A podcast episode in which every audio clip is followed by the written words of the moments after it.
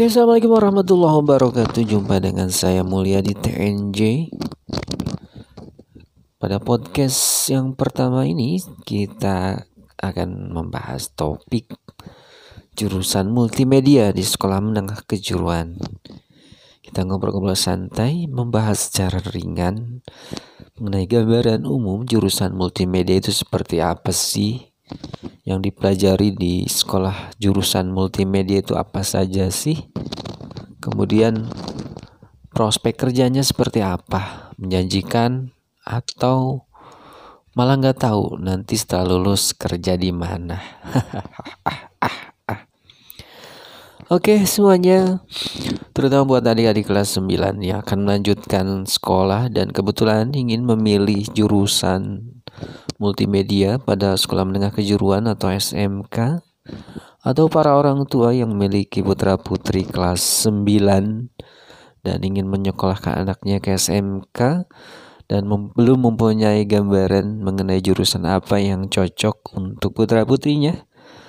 Pembahasan mengenai sekolah menengah kejuruan pada kompetisi kalian atau jurusan multimedia ini setidaknya bisa memberi gambaran dan buka wawasan semuanya sehingga mungkin setelah mendengar podcast saya ini bisa melakukan atau menyimpulkan kemudian memutuskan jurusan apa yang tepat untuk putra putrinya atau untuk adik-adik semuanya. Oke next kita bahas mengenai apa itu jurusan multimedia. Jurusan multimedia merupakan salah satu jurusan di bawah uh, program keahlian teknik komputer dan informatika. Nah, di bawah jurus di bawah program teknik komputer dan informatika ini ada tiga jurusan yaitu yang pertama adalah rekayasa perangkat lunak atau RPL. Jurusan ini nanti outcome-nya atau lulusannya adalah siswa-siswi atau lulusan yang memiliki keahlian dalam pembuatan software atau rekayasa perangkat lunak. Kemudian jurusan yang kedua yaitu teknik komputer dan jaringan. Lulusan dari jurusan TKJ ini adalah para lulusan yang mampu atau memiliki kompetensi uh, penguasaan hardware komputer sebagai troubleshoot dan pembuatan jaringan komputer. Nah, yang ketiga yang kita bahas kali ini adalah jurusan multimedia. Pada jurusan multimedia, sebagaimana namanya multimedia artinya para siswa nantinya akan belajar berbagai uh, platform multimedia yang dibagi menjadi beberapa uh, jenis pelajarannya. Secara umum mata pelajaran di jurusan uh, atau di SMK itu sama dibagi menjadi muatan nasional, muatan kewilayahan, kemudian mata pelajaran jurusan. Untuk mata pelajaran muatan kewilayahan terdiri dari mata pelajaran umum mulai dari pendidikan agama, kemudian pendidikan kewarganegaraan, bahasa Indonesia, bahasa Inggris, matematika dan seterusnya. Sedangkan untuk muatan uh, kewilayahan terdiri mata dari mata pelajaran seni budaya dan PJOK. Belum lagi ada mata pelajaran muatan lokal disesuaikan dengan uh, lingkungan atau letak geografisnya. Kalau di daerah Pulau Jawa Barat, ada di Provinsi Jawa Barat maksudnya. Biasanya muloknya terdiri dari mata pelajaran bahasa Sunda atau mulok yang uh, ada pada jurusan. Misalnya kalau dalam multimedia muloknya bisa ada pemrograman web, kemudian uh, eh, IoT dan seterusnya tergantung dari uh, kepala potensi keahlian ingin menentukan muloknya apa. Oke, kemudian mata pelajaran jurusannya dibagi menjadi tiga, ada C1, C2, dan C3. C1 merupakan dasar bidang keahlian. Mata pelajaran ini ada pada semua jurusan SMK. Mata pelajarannya ada simulasi komunikasi digital, kemudian kimia dan fisika. Kemudian mata pelajaran C2 itu dasar program keahlian. Mata pelajaran ini merupakan prasyarat untuk uh, mengikuti mata pelajaran potensi keahlian. Mata pelajaran C2 ada di kelas 10. Mata pelajarannya adalah mulai dari sistem komputer, kemudian komputer dan jaringan dasar, kemudian pemrograman dasar dan satu lagi dasar desain grafis. Semuanya ada di kelas 10. Kemudian mata pelajaran yang jenis yang ketiga yaitu mata pelajaran C3 atau mata pelajaran kompetensi keahlian atau mata pelajaran jurusannya skillnya nanti di sini. Terdiri dari empat mata pelajaran. Yang pertama mata pelajaran desain grafis percetakan. Kemudian yang kedua mata pelajaran animasi, yang ketiga mata pelajaran desain media interaktif. Dan mata pelajaran teknologi audio videografi. Mata pelajaran desain grafis percetakan dan animasi dua dimensi tiga dimensi akan dipelajari di kelas 11 sementara mata pelajaran desain media interaktif dan mata pelajaran Teknologi audio videografi ada di kelas 12. Nah, muatan dari masing-masing materi tiap pelajaran uh, tentu akan menjurus pada penggunaan berbagai platform multimedia sehingga outputnya adalah siswa mampu menguasai berbagai software yang berkaitan dengan pembuatan produk multimedia. Apa saja produk uh, yang akan dihasilkan atau yang harusnya mampu dikuasai atau dibuat oleh lulusan SMK keahlian multimedia ini. Yang pertama adalah pembuatan berbagai produk media luar ruang seperti spanduk, kemudian banner, baliho, kemudian brosur, pamflet, dan produk-produk Eh, media luar ruang lainnya. Kemudian produk lainnya seperti pembuatan layout majalah, surat kabar, kemudian uh, album foto, kemudian uh, kayak pembuatan produk BTS ya, dan berbagai uh, produk desain grafis percetakan lainnya termasuk digital printing untuk kaos, surat undang, dan seterusnya yang berkaitan dengan digital printing. Nah, software-software yang digunakan untuk keperluan ini tentu ada software-software industrial yang berkaitan dengan desain grafis percetakan. Mengacu pada standar kompetensi kerja nasional yaitu di antaranya uh, ada Adobe uh, Photoshop, kemudian Adobe Flash, Illustrator, InDesign, Adobe Audition audio maksudnya Adobe Audio dan produk-produk Adobe lainnya juga termasuk Corel dan pendukung software desain gratis grafis lainnya baik yang uh, digunakan dalam uh, desktop komputer maupun platform Android. Kemudian selain software untuk desain grafik percetakan, siswa juga harus mampu menguasai berbagai software pengolahan audio videografi seperti penggunaan software Adobe Premiere, kemudian Adobe Audio, kemudian ada Pinnacle Studio, Adobe After Effects dan uh, software editing video lainnya sesuai dengan skill software yang diberikan oleh guru yang mengajar mata pelajaran pengolahan audio videografi tersebut. Outputnya siswa mampu membuat produk videografi seperti video, baik film pendek, kemudian periklanan, kemudian uh, uh, apa lagi ya?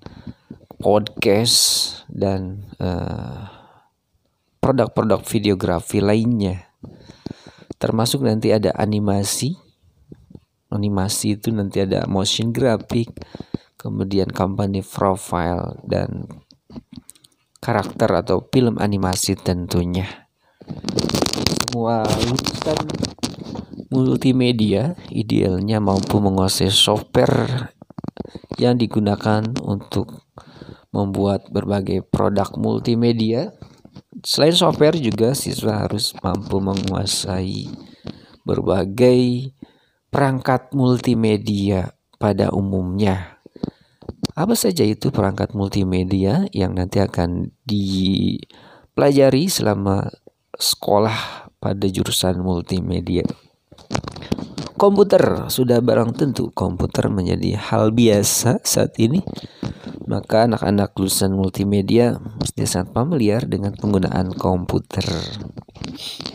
Selain komputer juga eh, anak-anak lulusan multimedia mestinya idealnya adalah sudah mampu menguasai berbagai eh, berbagai perangkat, mampu mengoperasikan perangkat seperti kamera, ya.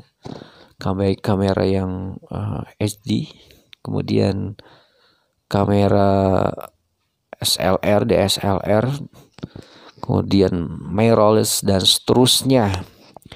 Kemudian mampu menggunakan uh, lighting pada saat pengambilan uh, produksi atau saat, pada saat produksi film dan seterusnya mampu menggunakan green screen mampu menggunakan uh, drone saat pengambilan gambar dari atas dan seterusnya. Nah, selain itu juga siswa mampu menggunakan seperti alat scanner, kemudian uh, alat bantu lainnya dalam pembuatan produk videografi seperti apa ya seperti properti misalnya tripod kemudian stabilizer kemudian setting lensa dan seterusnya. Pokoknya macam-macam. Ngomong-ngomong uh, pelajaran yang ada di jurusan multimedia, saya sering menyebutnya sebagai mata pelajaran gado-gado. Umumnya gado-gado di dalamnya ada berbagai macam sayuran, mulai kangkung, kemudian kacang, nangka, kol, dan yang biasa yang ada dalam habitat gado-gado. Hmm.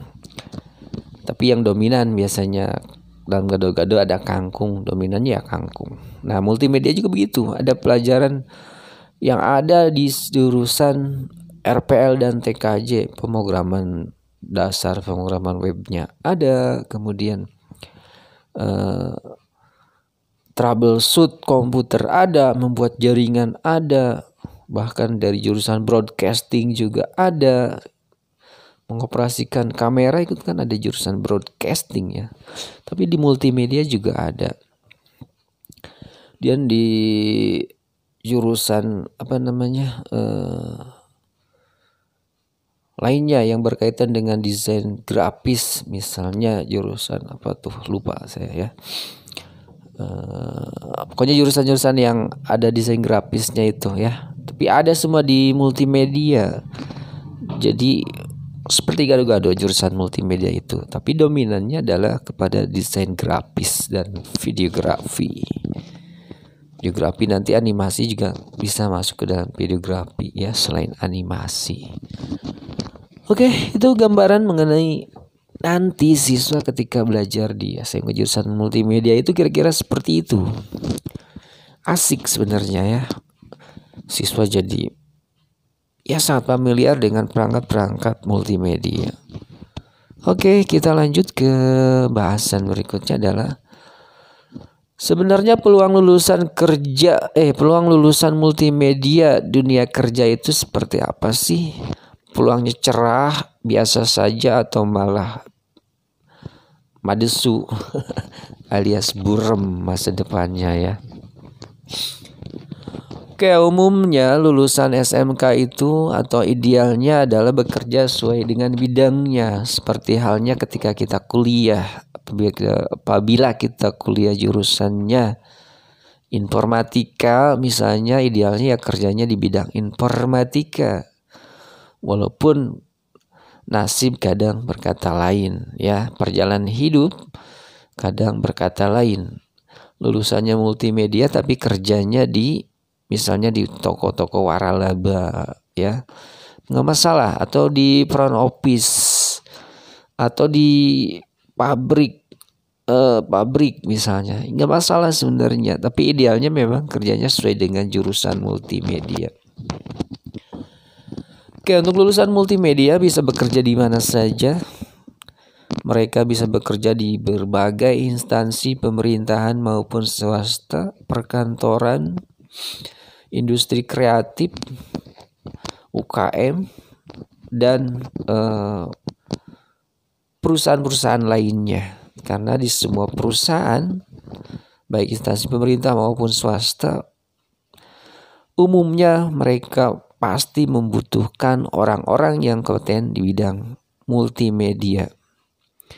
Karena orang multimedia itu selain bisa mengoperasikan komputer Word, Excel, PowerPoint, Kelebihannya adalah tadi bisa membuat berbagai produk desain grafis dan videografi. Jadi ada nilai bonusnya dibanding dengan lulusan sekolah menengah atas biasa sebenarnya. Seperti itu. Tapi penyerapan kerjanya memang sedikit, tidak sebanyak penyerapan untuk jurusan pemesinan misalnya atau TSM. Kalau jurusan pemesinan kan biasanya kalau pabrik pabrik buka lowongan biasanya dibutuhkan 30 operator mesin. Jadi sekali buka lowongan 30 orang. Tapi kalau untuk jurusan multimedia biasanya dibutuhkan satu uh, seorang staf misalnya. Ini perbandingannya sangat jauh. Tapi sekalipun demikian uh, lulusan multimedia bisa bekerja di mana saja. Itu kelebihannya. Kalau jurusan teknik pemesinan misalnya ya mereka biasanya hanya bekerja di pemesinan. Mereka kalau bekerja di perkantoran biasanya agak agak uh, kurang ya uh, peluangnya dibanding dengan lulusan multimedia begitu ya lulusan multimedia bisa bekerja di berbagai perusahaan karena semua perusahaan biasanya membutuhkan orang-orang yang kompeten di bidang multimedia. Walaupun penyerapannya memang tidak sebanyak jurusan lainnya. Nah, selain di industri atau perusahaan lulusan multimedia sebenarnya lebih ditekankan untuk membangun usaha mandiri. Bisa bekerja sendiri di rumah ya berkolaborasi dengan teman-temannya membangun satu unit usaha kecil kecilan sampai menjadi UKM dan perusahaan. Misalnya, lulusan multimedia bisa mengerjakan berbagai proyek desain logo, desain kemasan, dan desain-desain dari produk desain grafis lainnya yang ordernya melalui online misalnya. Setelah mereka uh, cukup misalnya uh, lancar di bisnis secara online untuk jasa pembuatan desain itu mereka bisa uh, membuat usaha secara nyata. Misalnya buka usaha percetakan kecil-kecilan di rumah. Memasang banner dulu di book misalnya menerima jasa cetak banner jasa surat undangan dan lainnya kemudian mereka mendesainnya dan membawanya ke percetakan. Jadi mengambil selisih margin dari jasa dan biaya percetakan tadi. Nah, ini penting kiranya bagi lulusan multimedia itu sebaiknya memang uh, lebih menguntungkan untuk berusaha sendiri. Cuma memang butuh motivasi dan dorongan dari orang-orang sekitar agar mindsetnya jangan jadi pekerja tapi sebagai wirausaha. Nah di sekolah atau di SMK itu sebenarnya ada mata pelajaran kewirausahaan. Nah di sini guru-gurunya itu mestinya mendorong para siswanya untuk mampu e, membangun usaha mandiri sesuai dengan jurusannya. Cuma kendalanya biasanya yang mengajar mata pelajaran kewirausahaan itu bukan orang yang di bidangnya. Di kadang mereka emang ya mengajar sesuai dengan pengetahuan standar saja. Mereka bukan pengusaha atau bukan orang yang memiliki usaha mandiri. sehingga mereka hanya transfer hanya transfer pengetahuan dari buku yang mereka baca memberi gambaran umum dan motivasi mestinya yang mengajarnya adalah praktisi ya. Mereka yang mengerti jurusannya kemudian mampu menjualnya. Itu baru the best. Sehingga nanti lulusannya itu mereka sudah memiliki atau sudah terdoktrinasi mindsetnya itu adalah, mau menjadi uh, usahawan mandiri, bukan mindsetnya bekerja, bekerja, bekerja pada orang lain. Oke itu sepintas atau sekilas mengenai gambaran uh, eh, SMK multimedia berikut mata pelajaran apa yang dipelajari dan peluang-peluang setelah atau peluang kerja setelah lulus. Apakah lulusan multimedia bisa kuliah? Sangat bisa sekali.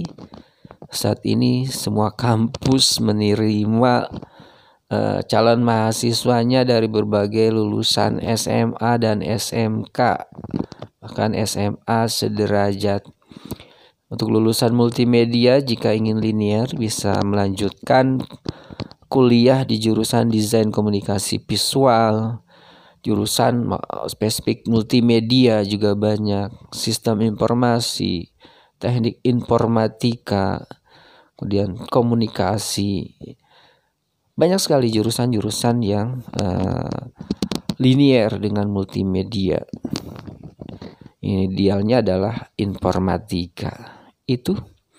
Oke, silakan Bapak Ibu yang memiliki putra putri kelas 9 jika pembahasan ini mampu memberikan gambaran dan mengambil kesimpulan dan ingin menyekolahkan anaknya di SMK bisa memilih jurusan multimedia.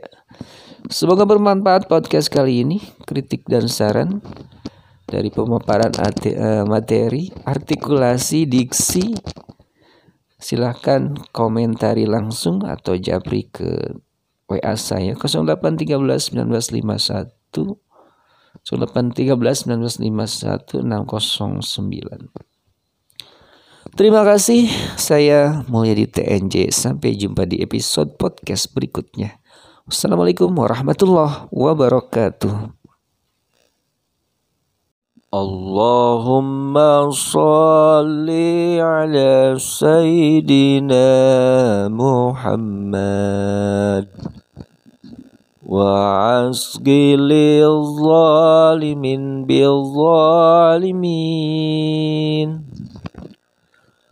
وأخرجنا من بينهم سالمين وعلى آله وصحبه أجمعين. اللهم صل على سيدنا محمد. وعصقل الظالمين بالظالمين. وأخرجنا من بينهم سالمين. وعلى آله وصحبه أجمعين. Assalamualaikum warahmatullahi wabarakatuh untuk seluruh siswa siswi yang tahun ini baru saja lulus SMK dan kemungkinan besarnya setelah lulus SMK adalah bekerja dan untuk mendapatkan pekerjaan itu bukan sesuatu yang mudah untuk saat ini. Karena ketika kalian lulus di sekolah kalian maka ada ribuan, ada ratusan ribu lulusan lainnya di sekolah lain di jenjang yang sama, yaitu jenjang SMK. Untuk itu, kecerdasan kalian dituntut untuk bisa uh, bersaing dengan ratusan ribu lulusan SMK lainnya tersebut. Oke, berikut tips-tips uh, bagaimana kalian bisa mendapatkan pekerjaan. tips-tips yang memungkinkan kalian bisa mendapatkan pekerjaan lebih cepat dibanding dengan pesaing-pesaing kalian dari lulusan SMK lainnya. Tips yang pertama adalah silahkan kalian mencari koneksi. Koneksi ini bisa berupa relasi dengan teman. Temannya adalah alumni-alumni dari sekolah alma mater kalian di mana mereka saat ini sudah bekerja. Silakan kalian membuat daftar nama-nama teman yang saat ini sudah bekerja. Posisinya apa? Tempat bekerjanya di mana? Nomor HP-nya jangan lupa mungkin ada sekian puluh atau mungkin ratus kalau kalian orangnya supel. Biasanya punya teman yang banyak. Silakan dibuat list daftar daftar nama-nama teman kalian tersebut. Silahkan dihubungi ditanya satu persatu apakah ada lowongan atau tidak. Dari sekian uh, puluh list nama-nama teman yang sudah bekerja tersebut Mungkin salah satu di antaranya bisa membantu kalian untuk mendapatkan pekerjaan di tempat dia bekerja. Kemudian selain uh, membuat list daftar atau nama-nama uh, teman kalian yang sudah bekerja, kalian juga bisa mencari relasi koneksi dari teman orang tua kalian dari teman kakak kalian di rumah yang sudah bekerja, dari tetangga atau melalui pertemanan sosial media yang tentunya sudah kalian verifikasi. Teman di sosial media kadang-kadang tidak benar, kadang banyakkan akun fak atau kadang ber etika tidak baik untuk itu kalian silahkan verifikasi apakah mereka orang baik atau bukan ya Oke, tips yang kedua adalah silakan kalian searching untuk mencari lowongan pekerjaan menggunakan kata kunci lowongan pekerjaan untuk SMK. Ya, silakan kalian mencari melalui situs pencari Google. Kemudian kalian cari kriteria yang mendekati uh, potensi kalian ya, sesuai dengan uh, kemampuan kalian ada banyak lowongan yang rilis di website uh, yang memuat lowongan pekerjaan, tapi jangan lupa kalian silahkan lihat tanggal postingnya, apakah lowongan tersebut masih aktual atau sudah kadaluarsa. Jangan sampai kalian mengirim lowongan uh, mengirim uh, lamaran pekerjaan ternyata lowongannya sudah kadaluarsa atau sudah tidak berlaku ya. Untuk itu penting kaliannya melihat tanggal posting. Oke, selain searching melalui Google, kalian juga bisa menggunakan uh, model pencarian lainnya ya baik melalui grup-grup lowongan pekerjaan, forum, forum lowongan pekerjaan yang ada di sosial media. Seperti di Facebook, di Instagram, biasanya perusahaan-perusahaan sekarang uh, membagikan informasi lowongan pekerjaannya melalui uh, akun mereka di sosial media tersebut. Untuk itu silahkan kalian follow perusahaan-perusahaan yang kemungkinan ada lowongannya atau perusahaan-perusahaan yang menjadi target prioritas kalian untuk melamar di sana ya. Silahkan follow sebanyak-banyaknya perusahaan yang kalian targetkan.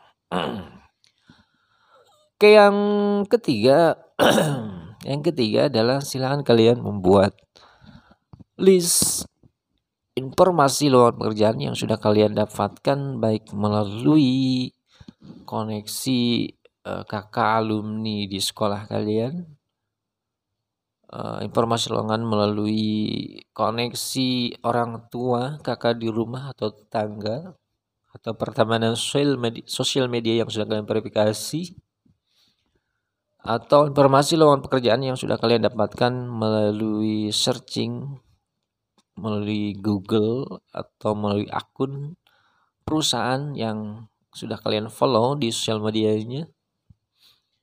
Misalkan ada sekian puluh, katakan ada 50 informasi lowongan pekerjaan, silahkan kalian tulis dengan lengkap di buku kecil kalian. Kemudian setelah ada list informasi lowongan pekerjaan tersebut, silahkan kalian buat CV atau surat lamaran pekerjaannya dengan sejumlah informasi lowongan tersebut informasi lowongan pekerjaan 50 maka kalian buat 50 set lamaran pekerjaan yang sudah dilengkapi dengan kelengkapan persyaratan lainnya. Oke, kemudian setelah itu silahkan kalian kirimkan uh, surat lamaran pekerjaan kalian baik secara manual melalui kantor pos atau melalui kurir ya kurir lainnya seperti jasa JNE dan lain sebagainya atau biasanya uh, perusahaan sekarang uh, menghendaki pengiriman surat lamaran pekerjaannya melalui digital. Entah itu melalui email atau melalui form khusus di website uh, mereka ya. Untuk itu kalian harus selalu siap baik uh, surat lamaran yang bentuk hard file kertas ya ataupun yang soft file yang bentuk digital. Kalian harus selalu siap. Yang digital harus selalu ada. Ini untuk mempercepat ketika ada lowongan kalian tinggal langsung send melalui email ya. Jadi kalian tidak lagi uh, direpotkan dengan bagaimana mem proses membuat surat lamaran digital karena kalian sudah menyiapkannya. Oke dari sekian puluh uh, lamaran pekerjaan yang sudah kalian kirim, mudah-mudahan ada uh, beberapa di antaranya yang memanggil kalian untuk uh, tes dan interview dan setelahnya kalian bisa lulus dan bekerja di sana. Amin. Oke, kalaupun tidak lulus, uh, tidak uh, tidak lulus, jangan berkecil hati. Mungkin di perusahaan lainnya keberuntungan kalian akan ada. Atau dari sekian puluh, dari 50 surat lamaran pekerjaan yang kalian kirim, ternyata tidak ada satupun yang memanggil kalian. Tetap semangat, jangan putus asa bahwa yakinlah pada saatnya rezeki pekerjaan itu akan datang pada kalian. Untuk itu, tetap lakukan hal-hal kegiatan yang positif, yang produktif, bisa mengupgrade kemampuan kalian sesuai dengan jurusan kalian waktu SMK maupun skill lainnya yang bisa membuka wawasan kalian. Membuka wawasan kalian, bagaimana kalian bisa uh, melakukan relationship, mencari hubungan pertemanan yang bisa uh, memberi informasi yang positif untuk keberhasilan kalian baik keberhasilan untuk mendapatkan pekerjaan maupun keberhasilan mendapatkan uh, penghasilan selain dari bekerja. Misalnya dengan ber berwirausaha berbisnis dan uh, lain sebagainya jualan misalnya ya. Oke itu tips-tips uh, sederhana yang umumnya dilakukan oleh orang orang cerdas ketika ingin mendapatkan pekerjaan. Yang pertama adalah uh, mencari relasi dari kakak alumni, dari orang tua, dari tetangga, dari pertemanan sosial media, kemudian mencari lowongan di melalui Google, kemudian melalui akun-akun perusahaan di sosial media, kemudian mengirim sebanyak-banyaknya lamaran pekerjaan sesuai, sesuai dengan informasi lowongan pekerjaan yang dapat, kemudian menunggu dan sambil menunggu panggilan interview, panggilan tes dan interview, tetap melakukan kegiatan positif untuk mengupgrade kemampuan uh, baik skill, kompetensi maupun wawasan. Oke, satu tips lainnya adalah coba kalian uh, mengikuti kelas-kelas bisnis ikuti kursus-kursus yang mengajarkan kalian untuk berbisnis, baik berjualan cara digital maupun jual secara konvensional. Dengan modal yang terbatas, tapi kalian bisa buat produk dan produk itu bisa kalian jual sehingga nantinya kalian akan mendapatkan profit, kemudian meningkatkan modal lebih besar, membuat produk lebih banyak dan menjual lebih banyak sehingga omsetnya lebih banyak, profitnya juga lebih banyak. Ikutin kelas-kelas bisnis seperti itu. Ada banyak kelas bisnis yang bisa kalian cari di internet atau silahkan datang kepada guru-guru kalian untuk informasi kelas bisnis tersebut sehingga kalian tidak eh, selalu berpikir untuk mendapatkan penghasilan itu adalah dengan bekerja di perusahaan orang lain tapi kalian bisa menciptakan peluang atau perusahaan atau usaha mandiri mengelolanya sendiri dan menghasilkan profit yang lebih besar daripada Anda daripada kalian bekerja di perusahaan orang lain. Itu lebih baik. Oke, itu tips-tips dari Bapak semoga bermanfaat. Uh, silahkan diikuti tips-tips tadi dan yang terakhir jangan lupa kuatkan mental, spiritual dan emosional kalian. Uh, kuatkan mental. Kalau tidak kuat mental, kalian akan kalah ya. Tapi kalau kalian kuat mental, kalian akan tangguh. Sebab ketika kalian mengirim surat lamaran, kemungkinannya ada dua, diterima atau ditolak. Ketika diterima, maka spiritual kalian munculkan uh, bahwa itu adalah rezeki, maka uh, syukuri dengan bekerja sebaik-baiknya. Tapi kalau Anda ditolak, lamaran ditolak atau tidak dipanggil, maka bersabarlah bahwa rezeki itu ada antriannya. Mungkin di antrian keberapa kalian akan mendapatkan rezeki itu. Jadi selalu tenang. Dan jangan lupa jangan kecewakan orang tua kalaupun kalian masih nganggur. Lakukan kerjaan pekerjaan produktif tadi dan bantu orang tua. Kalau bisa cari kesibukan yang bisa menghasilkan uang. Misalnya berjualan kecil-kecilan. Oke, terima kasih. Semoga bermanfaat. Tetap semangat. Jaga uh, emosional, spiritual kalian kuatkan ibadah kalian sesuai dengan agama dan kepercayaan masing-masing. Yakin rezeki sudah ada antriannya. Terima kasih. Assalamualaikum warahmatullahi wabarakatuh.